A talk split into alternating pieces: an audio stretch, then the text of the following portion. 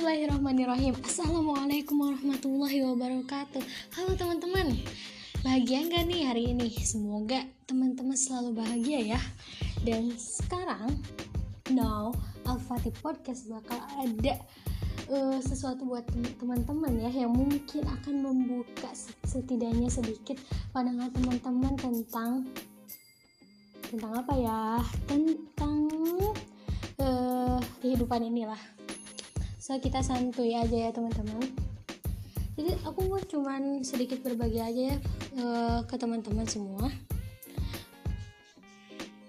Tentang yang berkaitan dengan kita bisa membuka gerbang dunia ini bahkan ya hingga ke akhirat kalau kita punya ilmu teman-teman. Maksudnya kayak gimana sih? Teman-teman tahu nggak siapa itu Muhammad Al-Fatih Oke, mungkin kalau teman-teman belum tahu nih siapa Muhammad Al-Fatih itu, yuk dengerin podcast ini sampai akhir ya.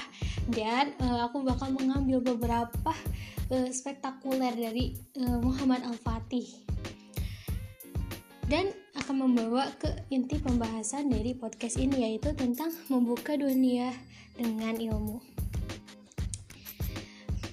Teman-teman tahu nggak sih siapa itu Muhammad Al-Fatih? Muhammad Al-Fatih adalah sosok remaja remaja loh teman-teman? Remaja seumuran kita. Ya bisa dikatakan remaja. Dia adalah seorang pemuda kesatria. Pokoknya dia tuh wow banget gitu. Dengan umurnya yang masih uh, terbilang apa ya masih lebih apa ya maksudnya tuh kan bisa gitu ya sama uh, apa sih orang-orang yang ada di umuran seatas Muhammad Al-Fatih Muhammad Al-Fatih itu pada waktu itu ya e, menaklukkan Konstantinopel pada usianya sekitar umur 20 tahunan teman-teman bayangin teman-teman berapa tahun lagi nih umur 20 atau bahkan ada yang sudah lebih nah oke okay. oke okay, teman-teman jadi gini ya uh, Muhammad Al-Fatih itu termotivasi oleh sabda Rasulullah Shallallahu Alaihi Wasallam yang intinya tuh bahwa Rasul tuh ngejanji menjanjikan bahwasanya Konstantinopel itu akan ditaklukkan oleh orang Islam dan pemimpinnya adalah sebaik-baik pemimpin serta prajuritnya atau pasukannya itu adalah sebaik-baiknya pasukan. Wah teman-teman, otomatis uh, menggapai si tujuan untuk pembebasan Konstantinopel itu dibutuhkan uh, sesuatu yang spektakuler. Kan teman-teman gak mungkin hanya uh, rencana belaka atau enggak dilakukan dengan ya seadanya gitu. Nah teman-teman perlu teman-teman sadari bahwa hadis Nabi itu ibaratnya itu kayak suci lah teman-teman ya. Dan gak mungkin sih uh, apa sih Konstantinopel itu akan ditaklukkan umat Islam orang Islam yang enggak punya ya maksudnya tuh yang kurang kuat lah keimanannya yang kurang takwa sama Allah. Nah otomatis si pemimpin dan pasukan itu harus uh, apa ya harus mampu gitu buat bertakwa sama Allah untuk lebih memperdalam ajaran Islam dan juga mempelajari taktik-taktik gimana caranya supaya Konstantinopel itu apa ditaklukkan oleh orang Islam. Oh hebat banget kan teman-temannya pasukannya Muhammad Al-Fatih dan uh, Muhammad Al-Fatih sendiri selaku pemimpin dari penaklukan itu. Dan pertanyaannya, Apakah bisa semua itu dilalui dengan tanpa ilmu yang dimiliki Muhammad Al-Fatih dan para pasukannya? Bahkan jika teman-teman tahu Muhammad Al-Fatih dan pasukannya itu pernah gagal untuk menaklukkan Konstantinopel pada tahap pertama. Dan tahap kedua ketika uh, untuk menguasai lautannya. Gagal dua kali teman-teman bayangin. Malu nggak sih itu udah mah ya orang Kristen itu ya dari pihak Konstantinopel uh, ibaratnya tuh kayak meremehkan lah umat Islam. Nah, lalu gimana sih caranya umat Islam untuk uh, bangkit daripada hal itu ya tadi ya kita harus menggapainya dengan ilmu tanpa ilmu Muhammad Al-Fatih dan para pasukannya nggak bisa tuh naklukin Konstantinopel yang temboknya itu berlapis tiga dan tebal dan serta tinggi yang menjulang ke atas. Sulit untuk ditaklukkan oleh oleh bangsa mana pun teman-teman. Pernah waktu itu sekali uh, tembok Konstantinopel itu ditakluk apa sih hancur lah teman-teman itu oleh perang salib. Ketika perang salib teman-teman. Lalu dibangun lagi itu si tembok dengan pondasi yang jauh lebih kuat lagi daripada sebelumnya. Otomatis lebih sulit juga kan untuk ditaklukkan. Nah teman-teman uh, biar videonya nggak kepanjangan kita bakal ketemu lagi di episode selanjutnya. Untuk uh, pembahasan kali ini ya teman-teman jangan lupa follow dan uh, share. Dan kalau misalkan ada request buat ke depannya uh, bulan uh, apa sih DM aja ke @putnapm. Dan sampai jumpa teman-teman. Semoga bahagia selalu. Wassalamualaikum warahmatullahi wabarakatuh. Ilahi rojiun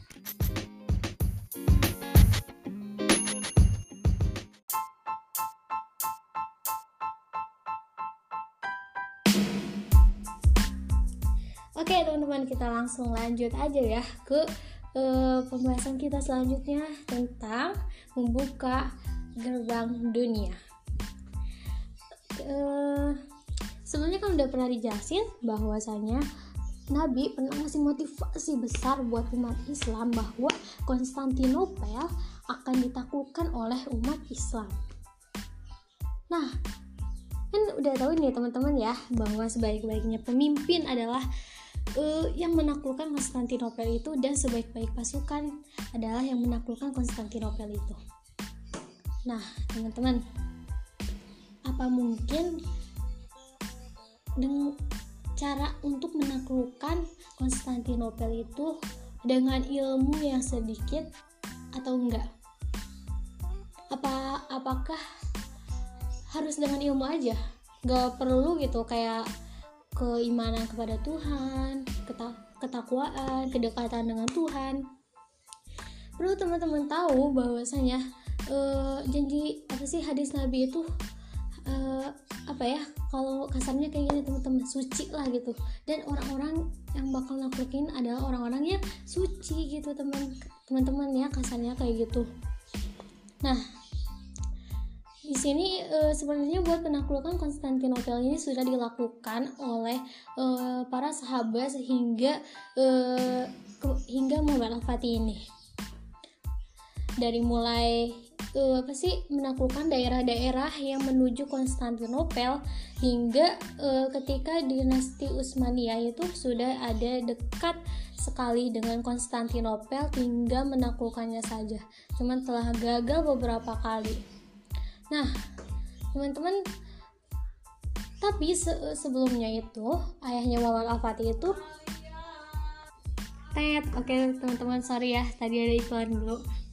Ya jadi ayahnya Muhammad Al-Fatih itu udah menyiapkan uh, sama sebelum-sebelumnya ya udah menyiapkan pribadi orang yang uh, bakal keturunannya lah yang uh, akan menjemput motivasi dari Rasul itu untuk menaklukkan Konstantinopel. Tentunya orangnya itu harus bertakwa ya teman-teman bertakwa dan punya ilmu untuk menaklukkan Konstantinopel itu. Nah, usaha-usaha apa aja sih yang dilakukan e, para Gazi ya disebutnya itu Gazi itu kayak pejuang kayak gitu loh teman-teman pejuang khususnya itu untuk e, menaklukkan Konstantinopel Nah, aku bakal jelasin singkatnya aja bahwasanya ayahnya Muhammad Al-Fatih itu udah mempersiapkan ya e, dari segi mempersiapkan para anak-anaknya itu untuk e, menjadi pejuang ke, penaklukan Konstantinopel. Dan ayahnya Muhammad Al-Fatih itu punya tiga anak. Pada saat itu yang pertama eh, laki-laki ya teman-teman semuanya laki-laki. Aduh aku lupa namanya pokoknya ada tiga anaknya. Oh ya Ahmed terus tuh uh, Alauddin sama Mehmet Mehmet dua ya teman-teman disebutnya atau itu namanya adalah Muhammad Al-Fatih. Nah dua kakak dari Muhammad Al-Fatih ini itu e, terbunuh ya teman-teman. Jadi ya banyak nih orang-orang yang buat menghancurkan misi e, para Ghazi ini buat menaklukkan Konstantinopel salah satu nah musuh yang paling besar itu adalah ya yang menempatkan Konstantinopel itu sendiri yaitu dari pihak Konstantin. Dan tinggallah tinggallah satu harapan uh, Sultan Murad. Sultan Murad itu adalah ayahnya Al-Fatih ya teman-teman. Sultan Murad yaitu harapan satu-satunya adalah Muhammad Al-Fatih sehingga dia tuh mempersiapkan Muhammad Al-Fatih dengan sedemikian rupa untuk menjadi sosok pemimpin yang dijanjikan oleh Rasulullah itu. Nah, jadi Muhammad Al-Fatih itu belajar ya teman-teman. Belajar bukan hanya tentang taktik perang saja bukan tentang peperangan saja bukan tentang strategi saja untuk menaklukkan gitu ya teman-teman. Strategi perang dan lain sebagainya. Tapi dibentuk keimanan dan ketakwaan yang uh kayak mantep banget deh Muhammad Al-Fatih. Perlu teman-teman tahu bahwa asalnya Muhammad Al-Fatih itu sejak ia balik dia nggak pernah ninggalin sholat tahajud. Dia nggak pernah ninggalin sholat rawatib. Dan dia tuh selalu ingin berjamaah teman-teman. Bahkan tidak terlewatkan. Muhammad Al-Fatih e, dikirim apa ya guru ya guru untuk e, mengajarkan Muhammad Al-Fatih itu bukan guru sembarangan teman-teman gurunya adalah guru yang terbaik dari yang terbaik nah ada dua guru dan uh, guru yang berpa paling berpengaruh untuk Muhammad Al-Fatih adalah Aksyam Sudin. Aksyam Sudin itu gak hanya ngajarin tentang uh, keislaman saja, tapi ditanamkan motivasi motivasi kepada si murid si Muhammad Al-Fatih itu untuk menaklukkan Konstantinopel. Jadi dikasih semangat terus. Dan uh, ini ya teman-teman aku, aku mau ngasih tahu sebenarnya Muhammad Al-Fatih itu pernah nggak sopan sama gurunya jadi uh, dia tuh kan orangnya tuh kayak apa ya susah buat dibilangin tuh susah ya keras kepala lah gitu teman-teman pokoknya mah udah kayak ciri-ciri seorang pemimpin kayak gitu. Makanya ayahnya nyariin guru yang uh, cocok nih buat buat karakter si Muhammad Al Fatih ini. Nah nah nah nah. Ya mungkin teman-teman uh, untuk podcast kali ini kita gantung dulu. Kita bakal lanjut ke podcast selanjutnya. Wassalamualaikum warahmatullahi wabarakatuh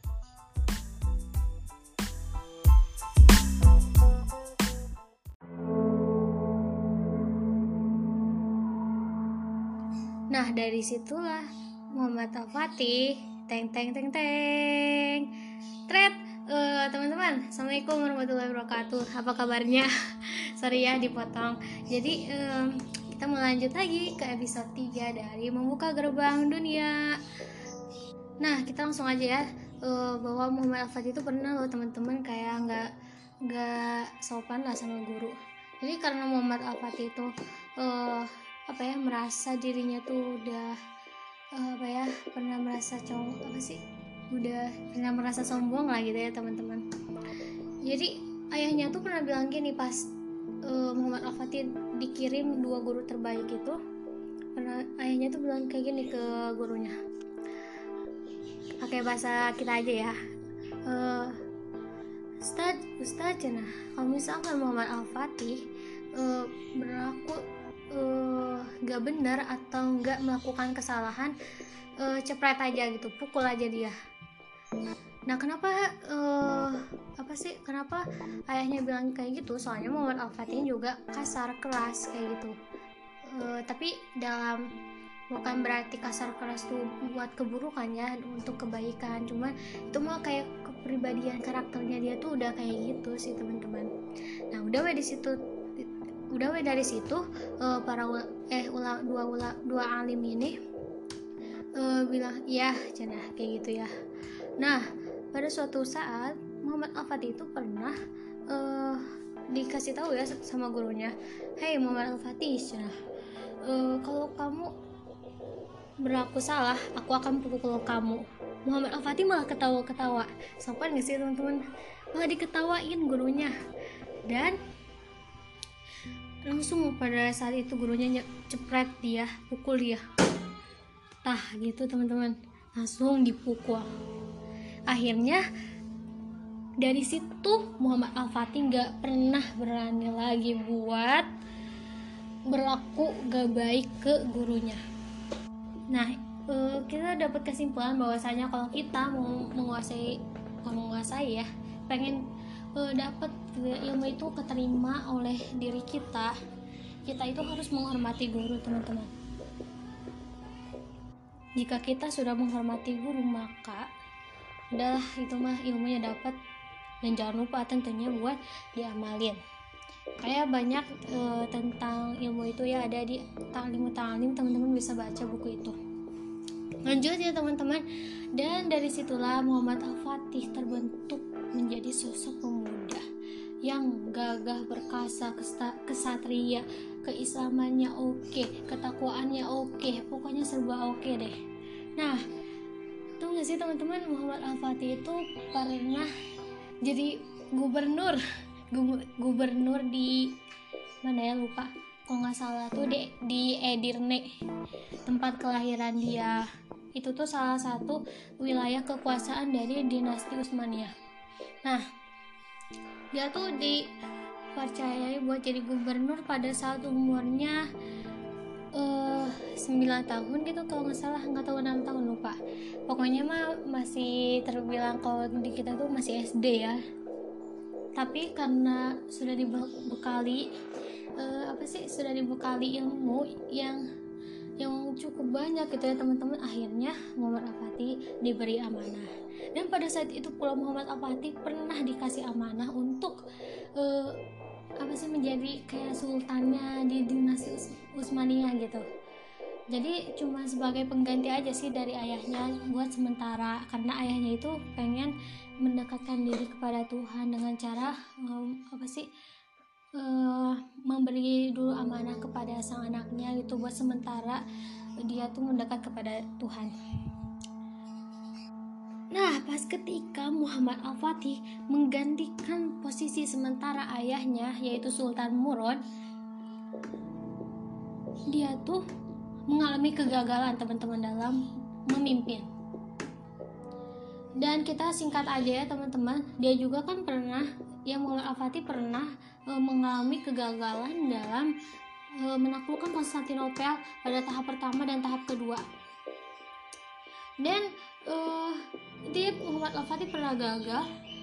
Karena apa? Karena kura, masih kurangnya ilmu untuk e, menggapai tujuan dia. So aku pengen ngasih tahu aja ke teman-teman. Pemuda atau bahkan e, buat semua kalangan ya. Buat segala umur terutama kita selaku pemuda pemudi generasi muda generasi muda yang baik adalah dia yang punya tujuan hidup yang jelas. Baik itu hidup di dunia ataupun di akhirat. Dan setiap tujuan itu nggak mungkin hanya dikejar dengan cara yang uh, yang abal bukan abal-abal ya cara yang mudah lah teman-teman. Tentunya perlu cara yang uh, cara yang spektakuler lah gitu teman-teman untuk menaklukkan si tujuan itu. Nah caranya gimana? Ya dalemin ilmunya pahami ilmunya sampai kita benar-benar paham. Dan teman-teman perlu tahu bahwasanya Muhammad Al-Fatih itu ketika gagal dia tuh nggak nggak nggak apa ya nggak ngedown lah gitu teman-teman.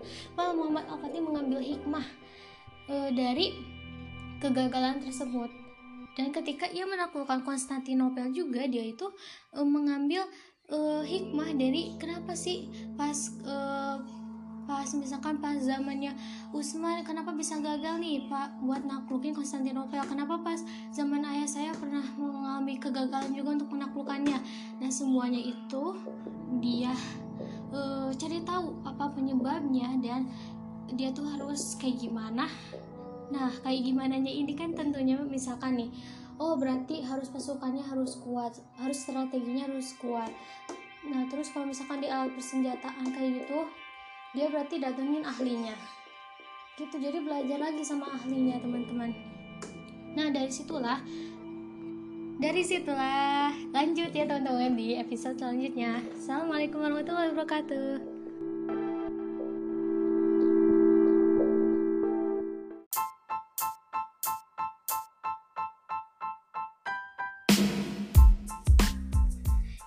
dari situlah assalamualaikum warahmatullahi wabarakatuh teman-teman. Uh, semoga bahagia selalu. Kita langsung lanjut aja cus ke um, pembahasan kita selanjutnya. Dan dari situlah ketika beliau intinya ketika Muhammad Al-Fatih itu belajar dari kegagalannya akhirnya dia punya taktik tersendiri. Nah gitu teman-teman. Jadi setiap tujuan itu diperlukan ilmu untuk menggapainya teman-teman. So jadi buat teman-teman jangan mau uh, terlena gitu ya sama kemalasan teman-teman. Muhammad Al-Fatih aja yang ingin menaklukkan Konstantinopel bahkan udah datang ke, ke, ke Konstantinopelnya gagal teman-teman dua kali. Padahal dia tuh udah mempersi mempersiapkan segala-galanya dengan baik. Nah tapi Muhammad Al-Fatih terus saja belajar belajar belajar dari kegagalan itu tentunya dengan ilmu. Dan cara menggapai ilmu yang baik itu adalah datang kepada ahlinya. Gitu teman-teman. Jadi itu aja sih intinya mah. Buat uh, cara membuka gerbang dunia ini teman-teman. Jadi yang pertama persiapkan. Jadi kedekatan kita kepada Tuhan itu harus terjalin dengan sangat sangat sangat sangat baik. Jika teman-teman ingin mempunyai tujuan yang uh, spektakuler. Dan yang kedua, cari ilmunya. Cari ilmunya. Jangan cuma diam aja, malas-malasan aja. Yang ketiga, kalau mau cari ilmu, datang ke ahlinya. Gitu ya, teman-teman. Mungkin sekian aja, sekian untuk Al-Fatih Official Podcast kali ini dan buat temen-temen yang mau ada request request podcast bisa DM aja langsung ke Instagram saya @putnabm nah boleh juga buat teman-teman yang punya kontak WhatsApp saya uh, boleh request langsung dan uh, eh, PC aja langsung ke Putnab ya. Nah mungkin sekian aja teman-teman untuk podcast kali ini. Jangan lupa bahagia dekati Tuhan dan belajarlah dan terus belajar sampai kamu kembali kepada Tuhan. Ilaihi roji'un. Wassalamualaikum warahmatullahi wabarakatuh. Bye.